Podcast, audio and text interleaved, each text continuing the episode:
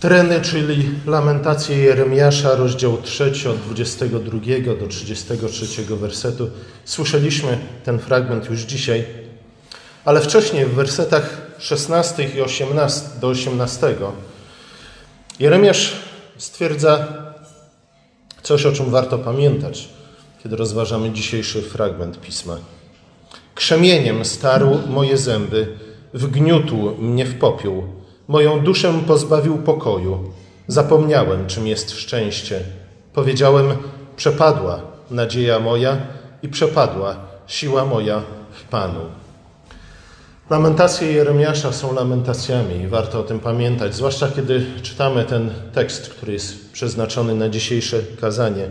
Cóż takiego się stało, że Jeremiasz wypowiedział takie słowa? I oczywiście tym, który starł jego zęby krzemieniem, był nikt inny, jak sam Pan. Dlaczego Jeremiasz powiedział, iż przepadła jego siła i jego nadzieja w Panu?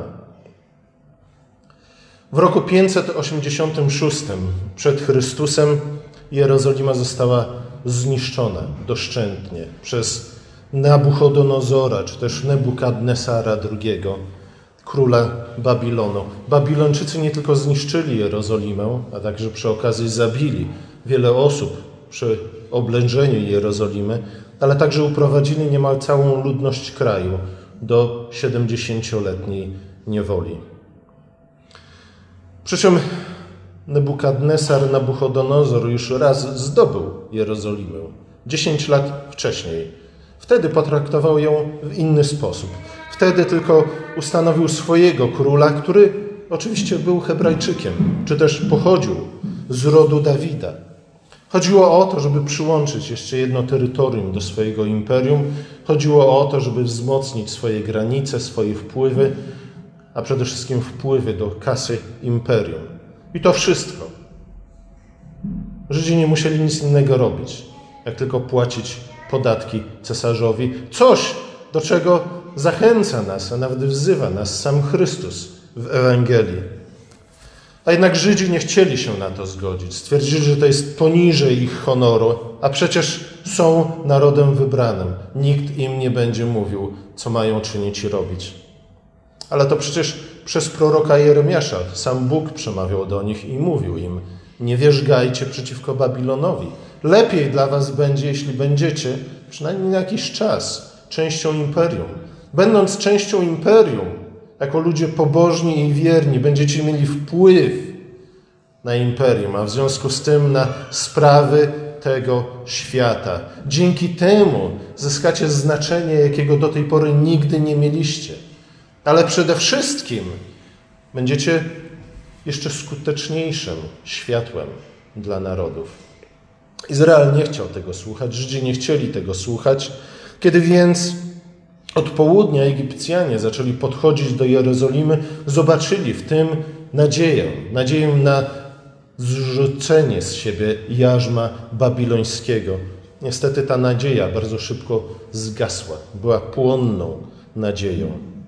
Po czterech latach od tego buntu Nabuchodonozor wrócił do Jerozolimy, ale tym razem potraktował Jerozolimę w nieco odmienny sposób. Tym razem zrównał ją z ziemią, bo tak czyni się ze zbuntowanymi miastami. W tym właśnie czasie, między tymi dwoma datami, przypada większa część działalności proroka Jeremiasza. Nie tylko nawoływał on Izrael do pokuty,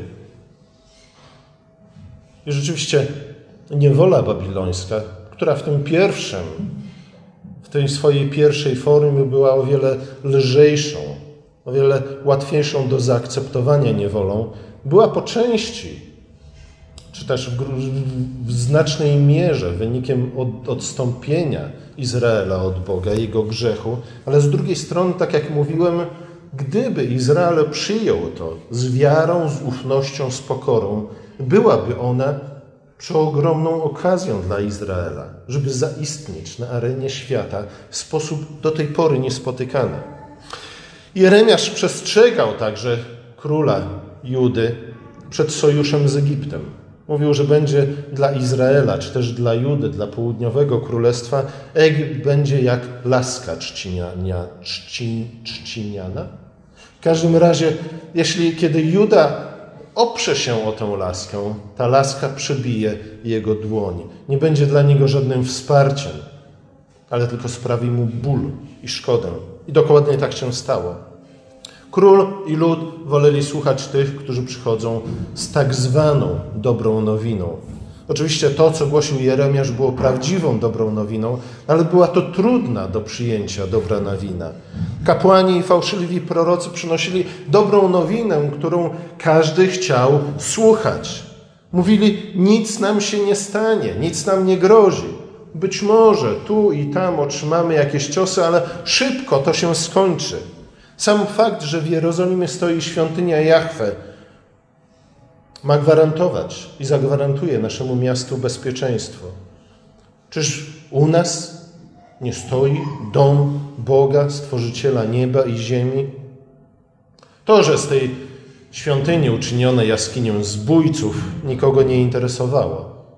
Dlatego prorok, podsumowując postawę Jerozolimy, jej mieszkańców, a zwłaszcza króla, mówi: Chętnie Jerozolima grzeszyła, dlatego stała się odrazą.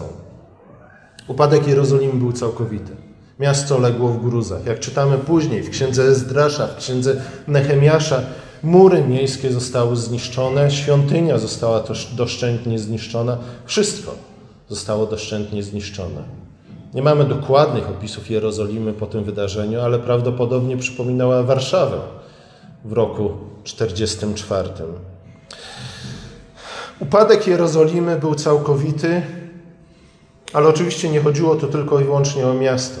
Chodziło przede wszystkim o jego mieszkańców, a cierpienia mieszkańców Jerozolimy związane z upadkiem Jerozolimy były skrajne. I dowiadujemy się o nich właśnie z księgi lamentacji Jeremiasza.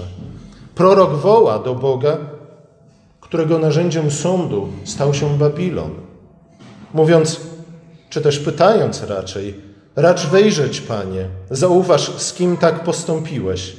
Czy kobiety mają zjadać owoc swego łona, wypieszczone swoje niemowlęta? Czy kapłan i prorok mają ginąć w świątyni Pana? Starcy i młodzieńcy legli w prochu ulicy. Moje dziewice i młodzież polegli od miecza. Pobiłeś ich w dniu swego gniewu, zgładziłeś ich bez litości. Tych, co mi grożą, zwołałeś zewsząd jak na święto. Nikt nie uszedł w dniu gniewu Pana i nikt nie ocalał. Tych, których piastowałam i wychowałam, wróg mój wywrócił. W świetle tej klęski, w świetle tej grozy, która napełniła serca mieszkańców Jerozolimy, nic dziwnego, że prorok właśnie lamentuje. Przepadła moja siła i moja nadzieja w Panu. W świetle tych wydarzeń, jakie miały miejsce w roku 586 przed Chrystusem w Jerozolimie, to zdawało się być jak najbardziej słuszne słowa. Przepadła moja siła i moja nadzieja w Panu. Miasto zniszczone, wszystkie symbole przymierza, jakie Bóg zawarł ze swoim ludem, zniszczone. Mieszkańcy zabici, kobiety zgwałcone, dzieci zamordowane. Przepadła moja siła i moja nadzieja w Panu. Dlatego musimy o tym pamiętać. Ponieważ słowa, które słyszeliśmy przed kazaniem, są tym bardziej zaskakujące w świetle tego, co czytamy przed i po w Księdze Lamentacji. W wersecie 21 w trzecim rozdziale prorok mówi: To wezmę sobie do serca w tym moja nadzieja. Dlaczego prorok przed chwilą mówiący o tym, że przepadła jego nadzieja w Panu, teraz nagle mówi o tym, że jednak ma w swoim sercu jakąś nadzieję? Co spowodowało tę dramatyczną zmianę? Skąd to się wzięło? Co się zmieniło w sytuacji proroka, że zmienił zdanie na temat nadziei, jaką ma w Panu? W sytuacji proroka nie zmieniło się absolutnie nic. I niezmiana sytuacji była, spowodowała to, że prorok nagle przypomniał sobie o czymś, co, roz, co rozbudziło w nim na nowo nadzieję. Izrael miał spędzić w niewoli kolejne 70 lat. Tutaj nic się nie zmieniło. Izrael był w niewoli. Jakieś niedobitki z Judy uciekły do Egiptu. To, co się zmieniło, to perspektywa, z jaką prorok spojrzał na tę samą sytuację.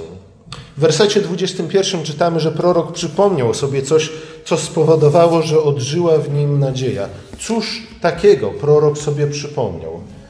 Prorok stwierdza, że przypomniał sobie o dwóch rzeczach, czy też o dwóch sprawach: o Hesed i o Rachama, Rachamim. Hesed to jest słowo, które bardzo często pojawia się w piśmie. To wierna miłość, to szczera życzliwość, jaką Bóg ma w stosunku do swojego ludu. Rachamim to z kolei współczucie i miłosierdzie.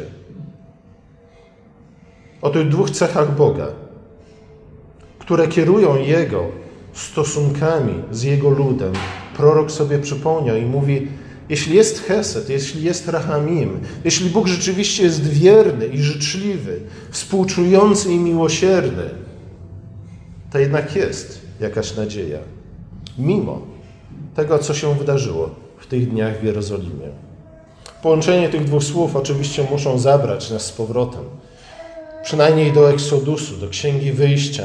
Tam pamiętamy po 40 dniach pobytu, czy też czasie 40 dni pobytu Mojżesza na górze, Hebrajczycy zniecierpliwili się, poprosili Aarona, żeby uczynił im złotego cielca, na widok którego Mojżesz roztrzaskał pierwsze dwie kamienne tablice z dekalogiem i nakazał rozprawić się z buntownikami. Ale później już po odnowieniu przymierza Bóg przemówił do Mojżesza tymi słowy. Pan, Pan, Jahwe, Jahwe, zatem Bóg wierny, Bóg przymierza, Bóg miłujący, czyli Rahum, Bóg łaskawy, Hanun, nieskory do gniewu, bogaty w miłosierdzie, Hesed i prawdę, czyli wierność, wierny w miłości wobec rzesz niezliczonych, gotowy przebaczać winy, przestępstwa i grzechy, lecz niepobłażliwy, gdyż win z win ojców rozlicza synów i wnuków.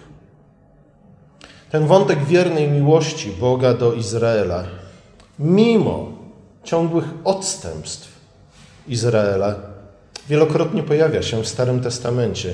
Jego sąd może trwać do trzeciego, a nawet do czwartego pokolenia, a jednak jego wierność trwa do tysięcznych pokoleń.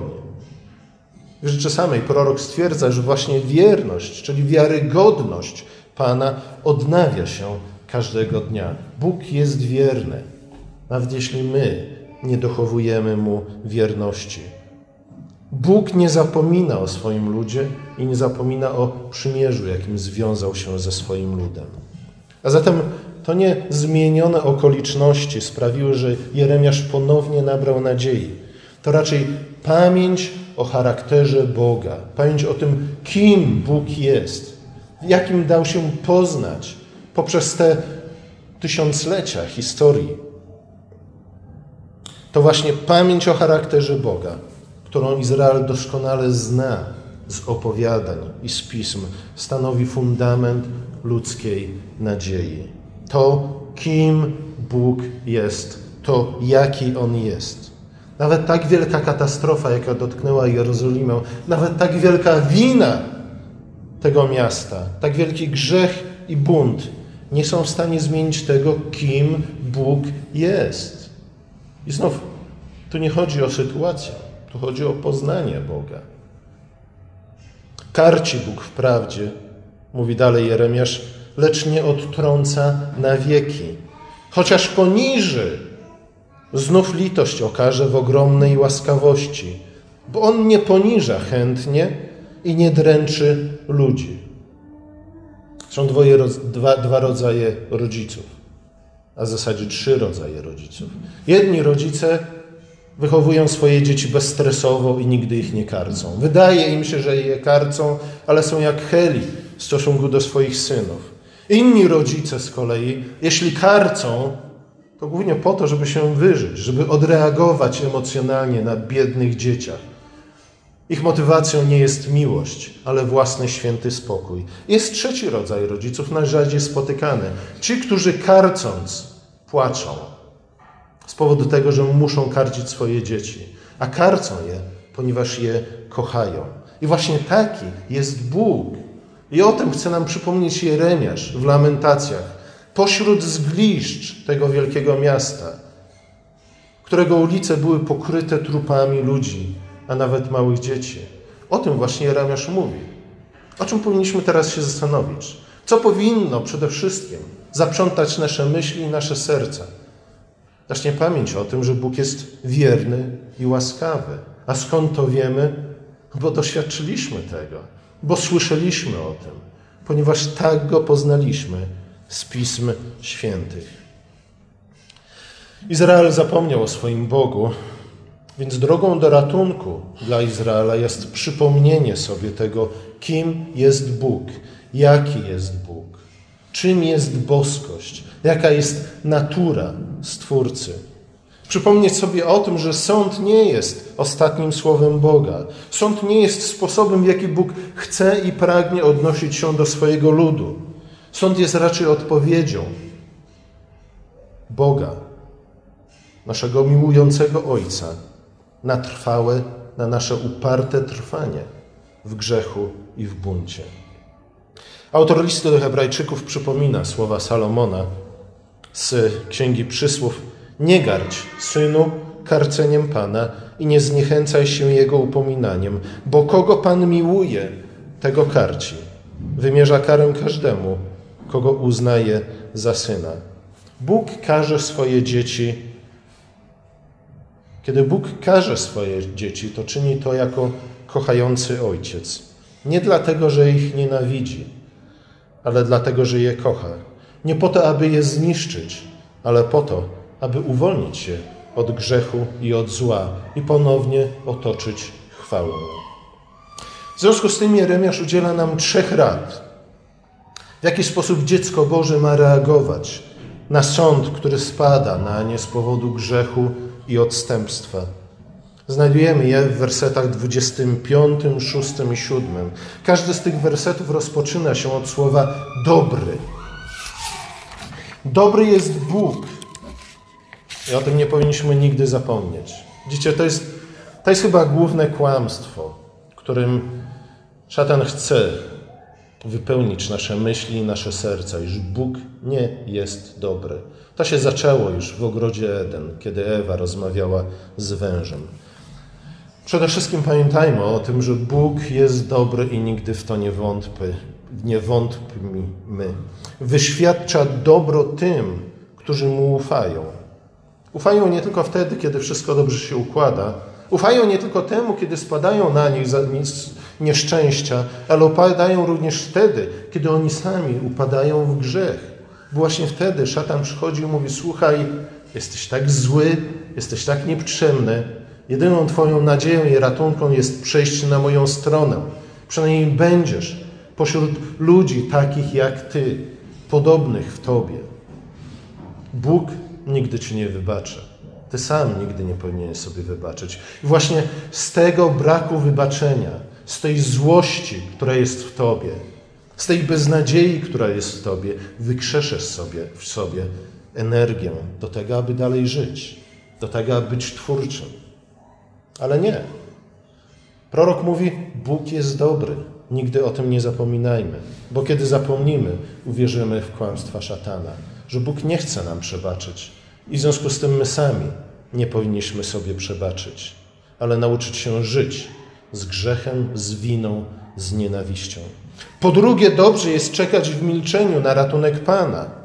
Te słowa na pierwszy rzut oka zaskakują, ponieważ czyż prorok nie napisał całej księgi, w której lamentuje nad losem Jerozolimy? Sam prorok nie milczy. Podobnie też autorzy wielu psalmów nie milczą, ale wołają do Boga. Ale z drugiej strony te słowa o milczeniu przypominają nam historię Hioba, który, i o tym nie powinniśmy zapomnieć, cierpiał niewinnie. Żadne z nieszczęść, które spadło na niego, nie było spowodowane, nie było, nie było sprowokowane jego odstępstwem albo grzechem, ale nawet Hiob w którymś momencie zamilkł przed Panem. Co to znaczy zamilknąć przed Panem? To znaczy, że z jednej strony niewiele zyskamy, jeśli ze złością wykłócamy się z Bogiem, ale z drugiej strony, i chyba przede wszystkim oznacza, to milczenie oznacza, jest znakiem poddania się Bogu, zaufania temu, który nawet jeśli nas karci, to czyni to z miłością. I znów, to milczenie oznacza cierpliwe czekanie na ratunek. Izrael musiał czekać na ratunek 70 lat. Czasami my będziemy musieli czekać tak długo na ratunek, który Bóg nam da. Po trzecie, dobrze jest znosić jarzmo swoje w młodości. O jarzmie prorok już wcześniej mówił. Najpierw nałożył na barki Izraela, czy też Judy, jarzmo niewoli babilońskiej, która z początku tak naprawdę dla wielu Żydów żyjących w Jerozolimie, w Judzie oznaczało poprawę warunków bytu. Nie wiem, czy pamiętamy, ale jednym z warunków, jakie, jednym z rzeczy, która była bezpośrednim skutkiem tego pierwszego jarzma, pierwszego zniewolenia przez Babilończyków było to, że Hebrajczycy w końcu przypomnieli sobie o przepisach prawa mojżeszowego i uwolnili z niewoli tych spośród Żydów, których już dawno mieli uwolnić. Pamiętamy, że jeśli Hebrajczyk stał się niewolnikiem u drugiego Hebrajczyka, po siedmiu latach miał odzyskać wolność. Nikt o tym nie pamiętał przez całe pokolenia i nagle przychodzi zły Babilon, zły Nabuchodonozor i okazuje się, że Hebrajczycy przypominają sobie o tym i uwalniają swoich niewolników, których, którym już dawno winni byli wolność. Więc to było to pierwsze jarzmo można powiedzieć, lekkie jarzmo, jakie Bóg włożył na ich ramiona. Oni jednak połamali je i zrzucili. I potem Bóg nałożył na ich ramiona kolejne jarzmo. Jarzmo zniszczonej Jerozolimy i prawdziwego zniewolenia. Dobrze jest nosić jarzmo swojej młodości. Dobrze jest, innymi słowy, jak przypomina nam autor listu do Hebrajczyków, cierpliwie przyjmować karcenie Boga. Słuchajcie, nie wiem, czy to zauważyliście. Jeśli ktoś z Was ma dwóch synów, to najczęściej ten starszy, ten pierwszy, e, dużo częściej jest karcony na różne sposoby. Młodszy mniej. Dlaczego? Bo on się nauczył przez obserwację, że ten, który pokornie przyjmuje karcenie, otrzymuje o wiele mniej razów i o wiele rzadziej jest karcony. Nie, to jest ta nauka Oczywiście jest wciąż karcony, ale nie w ten sposób jak starszy syn, który częściej ze względu może na brak przykładu buntuje się przeciwko tym karceniem. Ale właśnie o tym mówi prorok. Przyjmijmy karcenie Boże z pokorą, a nawet z wdzięcznością, jeśli potrafimy, pamiętając o tym, że to jest dla, dla nas dobre i pochodzi z ręki miłującego nasz Ojca. Wtedy karcenie będzie krótkie, Szybko się skończy. My czegoś bardzo ważnego się nauczymy. A może też się okazać, że z tego karcenia bezpośrednio wyniknie coś dobrego, jak z tego pierwszego jarzma, który Bóg nałożył na mieszkańców Judei. Oczywiście łatwo o tym wszystkim mówić. Pamiętaj, że Bóg jest dobry, dobrze jest czekać w milczeniu, dobrze jest znosić jarzmo w młodości swojej. Trudniej jednak jest rzeczywiście znieść to karcenie Boże. Nie przychodzi to łatwo. Dlatego Pismo tak wiele na ten temat mówi, zarówno w Starym, jak i w Nowym Testamencie. I prorok jest tego świadomy, że często same słowa tutaj nie wystarczą, często same pouczenie tu nie wystarczy. Wciąż będzie nam trudno znosić to karcenie. Dlatego w wersecie 29 pyta, może jest jeszcze nadzieja? Znów, najpierw mówi, że nie ma już nadziei, potem mówi, że tak, jest nadzieja. A później parę wersetów dalej pyta, może jest jeszcze nadzieja. Skąd taka rozbieżność? Czy prorok był rozchwiany emocjonalnie, raz pisał to, później pisał tamto? Pamiętajmy o tym, że słowa Moja nadzieja w Panu pojawiają się w samym centrum, w samym środku, stanowią jądro tej księgi a zatem punkt odniesienia dla wszystkiego innego, co w niej znajdujemy. Tak, jak najbardziej, nadzieja jest w Panu, ponieważ Bóg jest Bogiem wiernym i łaskawym, wiarygodnym i miłosiernym. Ale nie jest to, broń Boże, łatwa nadzieja. Nie jest to nadzieja, którą często karmimy się, żywimy się, która bardzo szybko okazuje się płonną nadzieją. Tak jak nadzieja, którą Sedecjasz czy Sedekiasz położył w Egipcie. Prawdziwa nadzieja, ta głęboka nadzieja pojawia się dopiero wtedy, kiedy odrzucimy tą łatwą, powierzchowną nadzieję. Głęboka nadzieja nie jest jakimś płytkim optymizmem, nie jest oczekiwaniem szybkiego i łatwego ratunku. Nie jest też, broń Boże, ignorowaniem sytuacji, w jakiej się znajdujemy, ani też ogólnie rzecz biorąc kondycji ludzkiej, czy też kondycji tego świata. Nadzieja, która ignoruje czy to powagę sytuacji, czy swoją własną grzeszność, ostatecznie i prędzej niż później prowadzi do rozczarowania i rezygnacji. Taką nadzieję przedstawiali właśnie kapłani i prorocy w czasach Jeremiasza, mówiąc: pokój, pokój, świątynia, świątynia, przejściowe problemy, które szybko się skończą. Nic podobnego.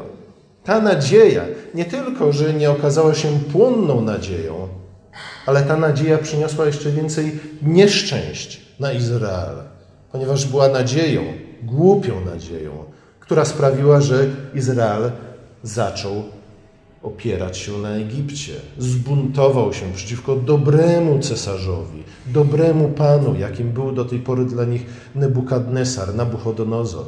I właśnie z tego buntu, z tego buntu, za którym kryła się ta głupia nadzieja, rozpalona przez fałszywych proroków i kapłanów, kryło się nieszczęście, które przyszło na nich później. Głęboka nadzieja przeciwnie po pierwsze, rozpoznaje powagę sytuacji, a po drugie, i właśnie dlatego, kieruje się ku Bogu, który jest dobry i wierny i łaskawy i cierpliwie czeka na jego ratunek.